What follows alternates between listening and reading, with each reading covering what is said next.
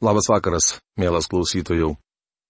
Šiandien toliau keliausime Naujojo testamento puslapiais laiškų kolosiečiams.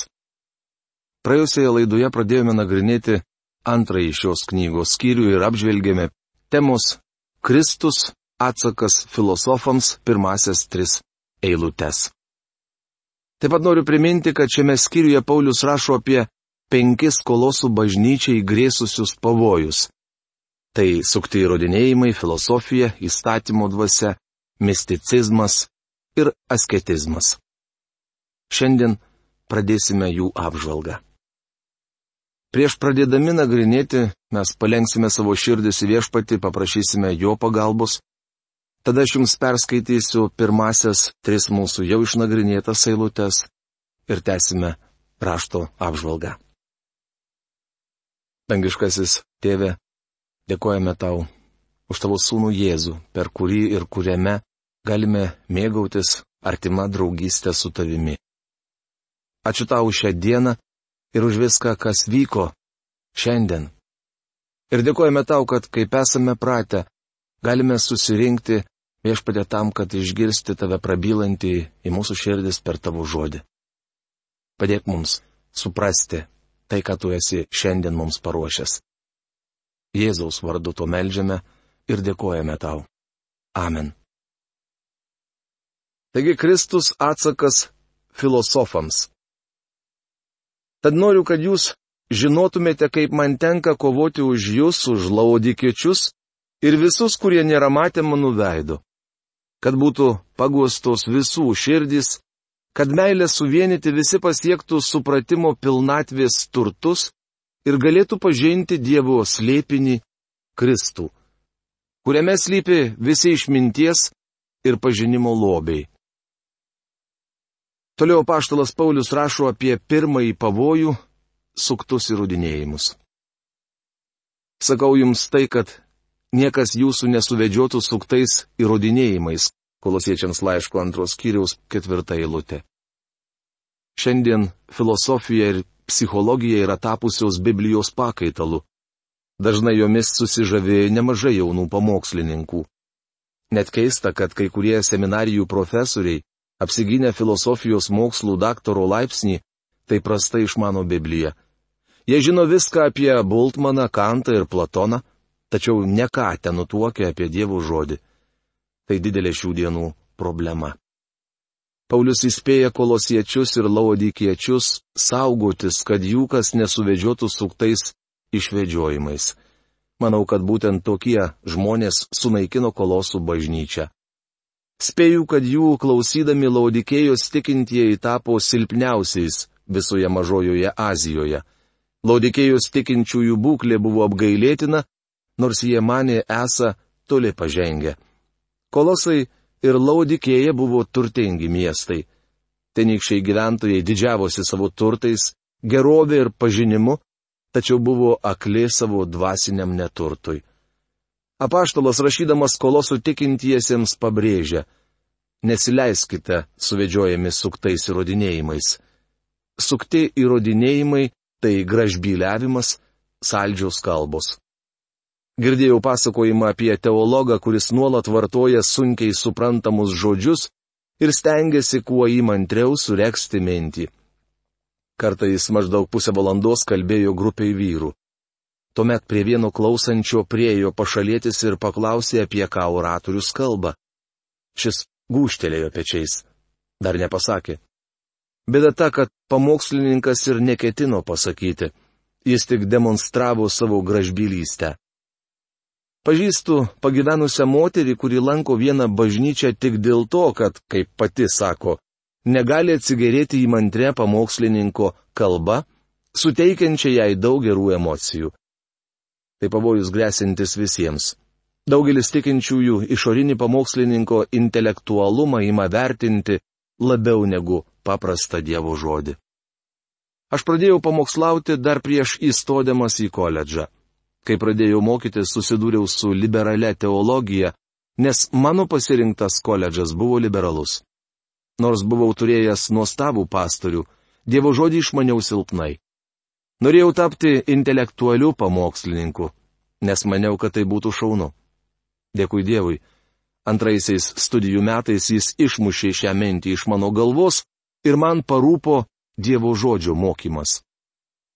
Paulius įspėja, kad bus tokių, kurie tikinčiuosius bandys suvedžioti suktais įrodinėjimais.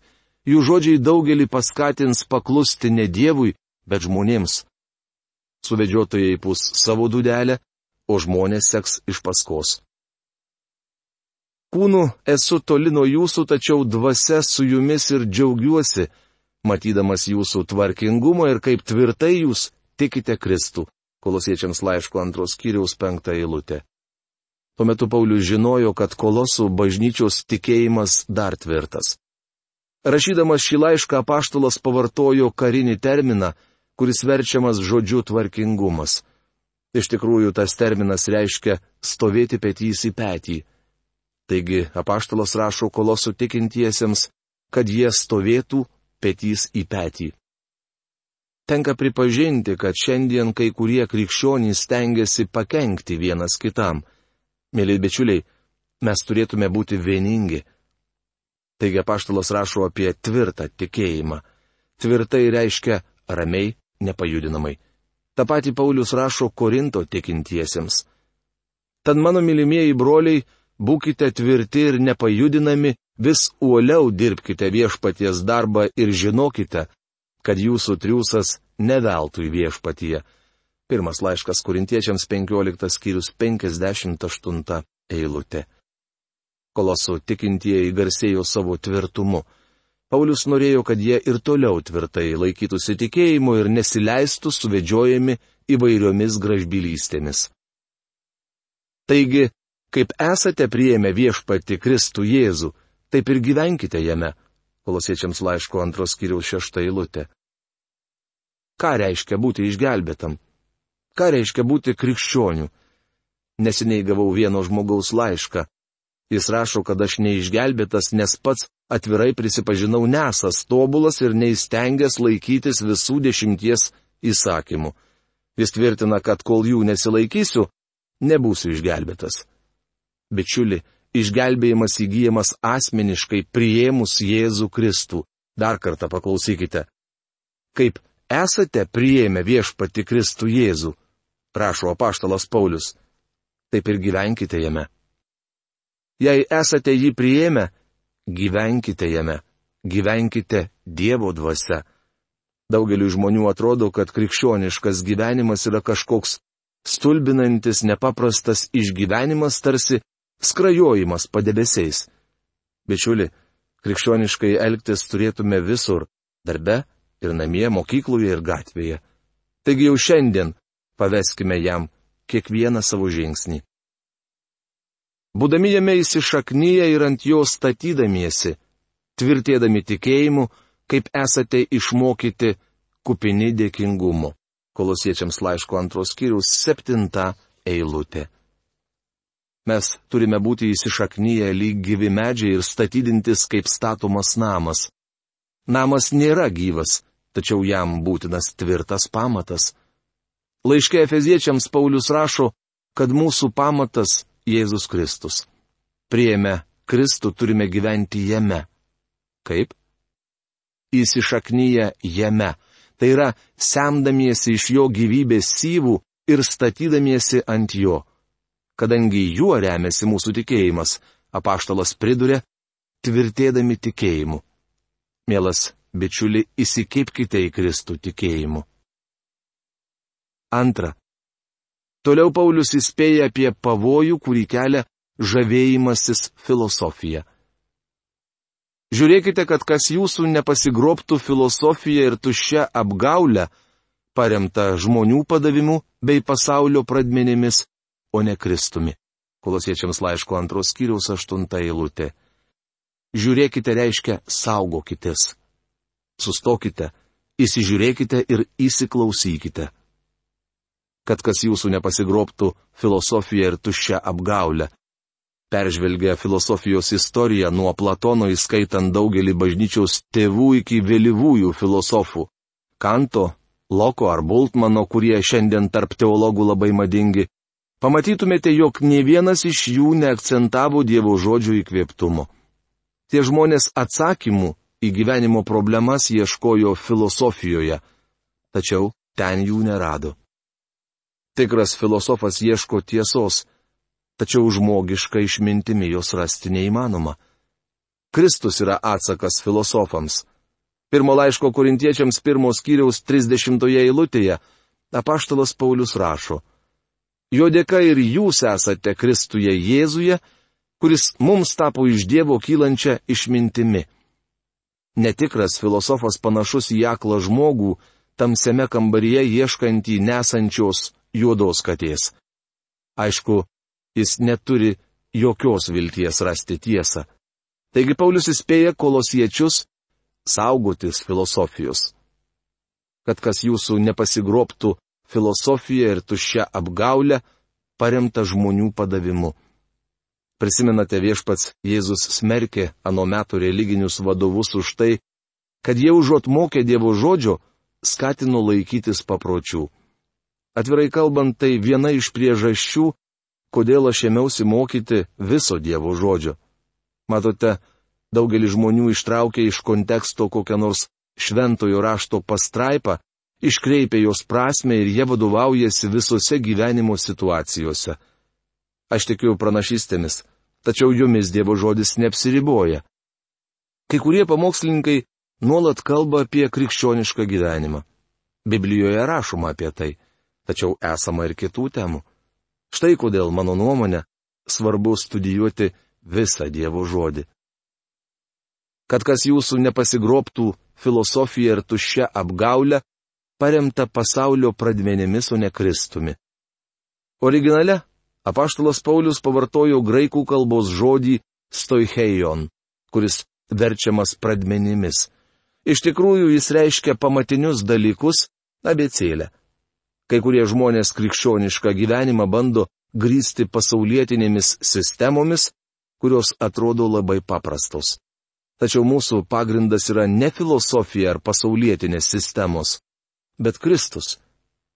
Taigi Paulius kalba apie Kristų. Juk Kristuje kūniškai gyvena visa dievystės pilnatvė. Kolosiečiams laiško antros kiriaus devinta eilutė. Jame gyvena visa pleroma.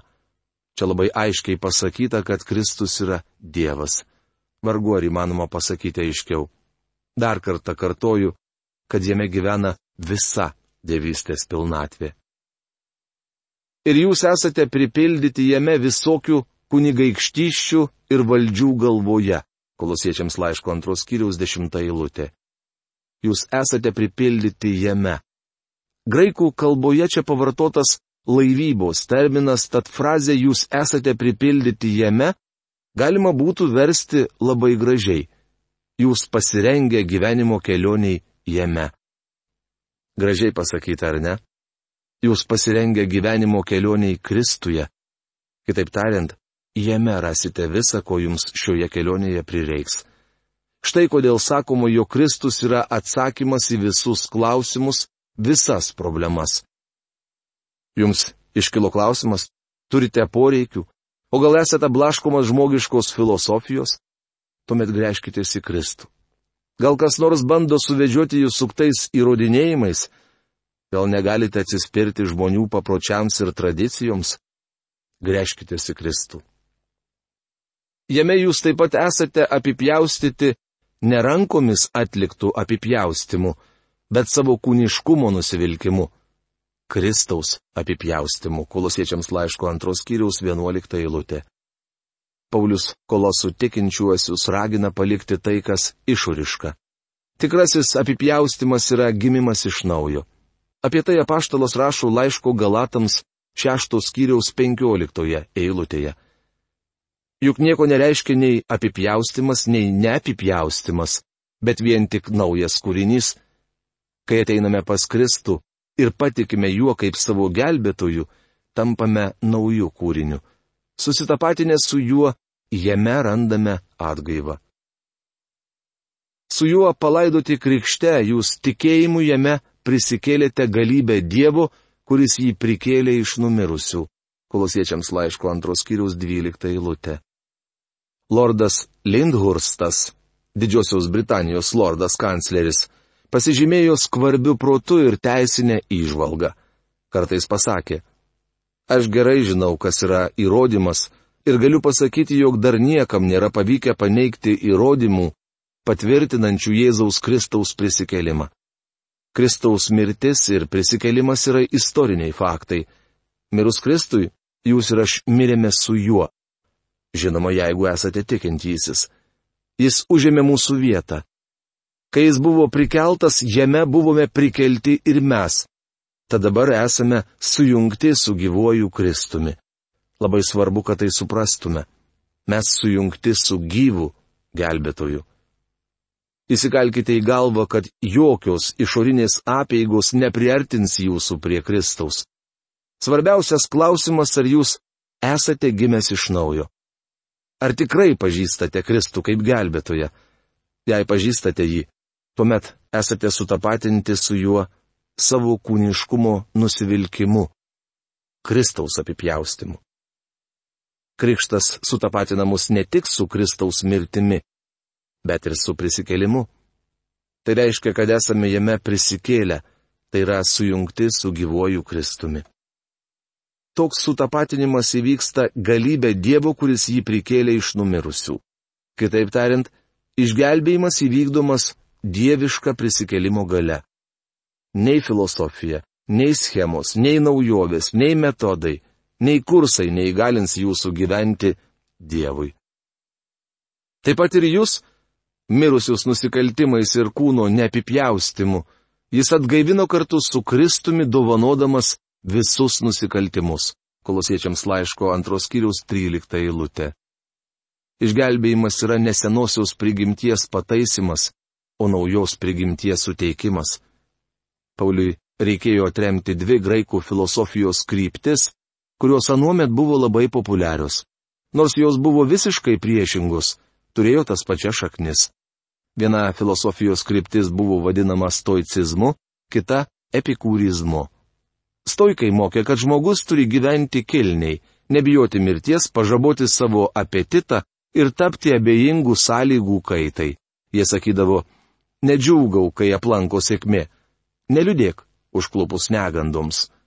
Stoikai tikėjo, kad žmogus pranoksta aplinkybės ir kad siela yra didesnė už visatą. Kaip matote, tai buvo drasi filosofija. Tačiau sunkiausia buvo ją įgyvendinti. Panaši problema iškyla žmonėms, kurie sakosi gyvena pagal kalno pamokslą, nors iš tikrųjų toli gražu to nedaro. Epikūrininkai mokė, kad nieko nėra tikro. Mes nežinome, iš kur atėjome, nežinome, kur nueisime. Aišku viena, po trumpo gyvenimo mūsų čia nebebus. Tad dėl miglotos ateities neverta atsižadėti dabartinių džiaugsmų ir malonumų. Valgykime ir gerkime, nes rytoj mirsime. Teigia jie. Atkreipkite dėmesį, kad abi šios filosofijos kryptys bandė pažaboti kūną. Turiu omenyje ne kaulus ir raumenis, o senąją prigimtį. Ji pasireiškia per senus įpročius, troškimus, išmėginimus ir pagundimus. Taigi jau nuo senų senovės filosofai ieškojo būdų, kaip išspręsti šią problemą. Tenka pripažinti, kad ji aktuali ir dabar. Šiandien kūriamos schemos ir sistemos nebeįgalinančios gyventi krikščioniškai. Pažįstu žmonių, lankiusių konferencijas apie krikščionišką gyvenseną. Nors jų stalčiai pilni sąsiuvinių su užrašais, sunkiai sekasi visą tai gyvendinti. Kodėl?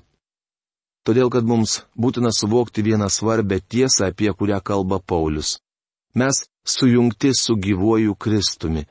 Bičiuli, jei jūs sujungtas su juo, atitinkamai ir gyvensite.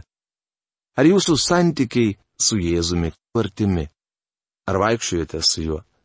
Ar visuomet, kai prireikia pagalbos, kreipiatės į jį? Ar jis jūsų gyvenimo centras? Trečia. Toliau Paulius įspėja apie kitą pavojų - įstatymo dvasę. Pamatysime, jog ją galime įveikti tik sugrįžę prie Dievo žodžio ir užmesgę asmeninį santykį su Jėzumi Kristumi. Šventieji puslapiai mums spindi garbę, didinga tartum saulė. Jie šviečia sieloje kiekvieno, bet jiems nereikia nieko. Jis ištrynė mus kaltinantį skolos raštą ir panaikino jį prismeigdamas prie kryžiaus. Kolosiečiams laiško antros kiriaus 14 eilutė. Jis ištrynė mus kaltinantį skolos raštą. Kosto burbulio Biblijos vertime pridedama su jo reikalavimais. Senoji mūsų prigimtis pasmerkta. Kristus numirė už mus, prisimdamas bausmę už mūsų nuodėmes. Viešpačiu Jėzui merdėjant pilotas liepė virš jo galvos pakabinti užrašą Jėzus Nazarietis žydų karalius. Jėzus buvo viešai nukryžiuotas dėl to, kad neva kurstė maištą. Žinoma, tai buvo melas. Tačiau nereikia pamiršti, kad egzekuciją stebėjo daugybė žmonių. Perskaitę minėtąjį užrašą, jie suprato, jog jis atsidūrė ant kryžiaus dėl to, kad parodė neištikimybę ciesoriui skelbdamasis esas karalius. Bet Dievas žvelgdamas į tą kryžių matė aukurą, ant kurio buvo aukojamas Dievo avinėlis, naikinantis pasaulio nuodėmę. Aukštai virš žmogaus ranka išraižyto užrašo, Dievas matė kitus žodžius. Jis ištrynė mus, kaltinantį skolos raštą ir panaikino jį, prismeigdamas prie kryžiaus. Dievas ant kryžiaus užrašė savo reikalavimus - dešimt įsakymų. Dievas surašė įstatymą, kurio aš negaliu įvykdyti. Jis surašė įsakymus, kuriuos aš sulaužiau. Kristus mirė ne todėl, kad sulaužė Dievo įsakymus, juk jis buvo benuodėmis, bet dėl to, kad aš juos sulaužiau, kad aš nusidėjėlis. Beje, mielasis jūs taip pat. Visi yra nusidėję ir stokoja Dievo garbės, rašo apaštalos Paulius laiškė romiečiams. Jei ta Dievas išgelbėjo jūs, prikėlė iš numirusių ir sujungė su gyvoju Kristumi, kodėl norite grįžti prie įstatymo, kurio negalėjote įvykdyti? Savo gale ir jėgomis jūs net negalite laikytis įstatymo. Matote, įstatymas buvo duotas, kad pažabotų senąją prigimtį, Tačiau šiandien tikintysis turi naują prigimtį ir įstatymas nebėra jo gyvenimo būdas. Jums leidus pateiksiu iliustraciją. Kartą prie manęs priejo vienas žmogus ir tarė, duosiu jums šimtą dolerių, jei parodysite Biblijoje vietą, kur buvo pakeista šabo diena. Aš atsakiau, nemanau, kad ji pakeista. Šeštadienis yra šeštadienis. Daugelįje šalių jis vis dar laikomas septinta savaitės diena. Tai ir yra šabas. Šio laikinis kalendorius šiek tiek pakeistas ir keliomis dienomis skiriasi nuo ankstesnėjo. Tačiau nemanau, kad tai svarbu. Šeštadienis tebėra šabas. Mano pašnekovo akis sužybo. Jis paklausė, jei šabas nebuvo pakeistas, kodėl tuomet jo nesilaikote? Aš atsakiau, diena nepasikeitė, bet aš pakeistas. Dabar turiu naują prigimtį. Esu sujungtas su Kristumi. Esu naujos kūrinijos dalis. Mes švenčiame sekmadienį, kuris mūsų šalyje yra pirma savaitės diena, nes tądien Kristus prisikėlė iš numirusių. Būtent tai reiškia, apaštalo Pauliaus žodžiai, jis ištrynė mus kaltinantį skolos raštą su jo reikalavimais ir panaikino jį prismeigdamas prie kryžiaus. Jis nuginklavo kunigaikštystes ir valdžias, viešai jas pažemindamas ir jame švesdamas pergalę prieš jas. Kolosiečiams laiško antros kiriaus 15 eilutė. Kristus laimėjo tikintiesiems neįkainojama dvasinę pergalę. Tokia žinia šiai dienai. Iki greito pasimatymo. Sudė.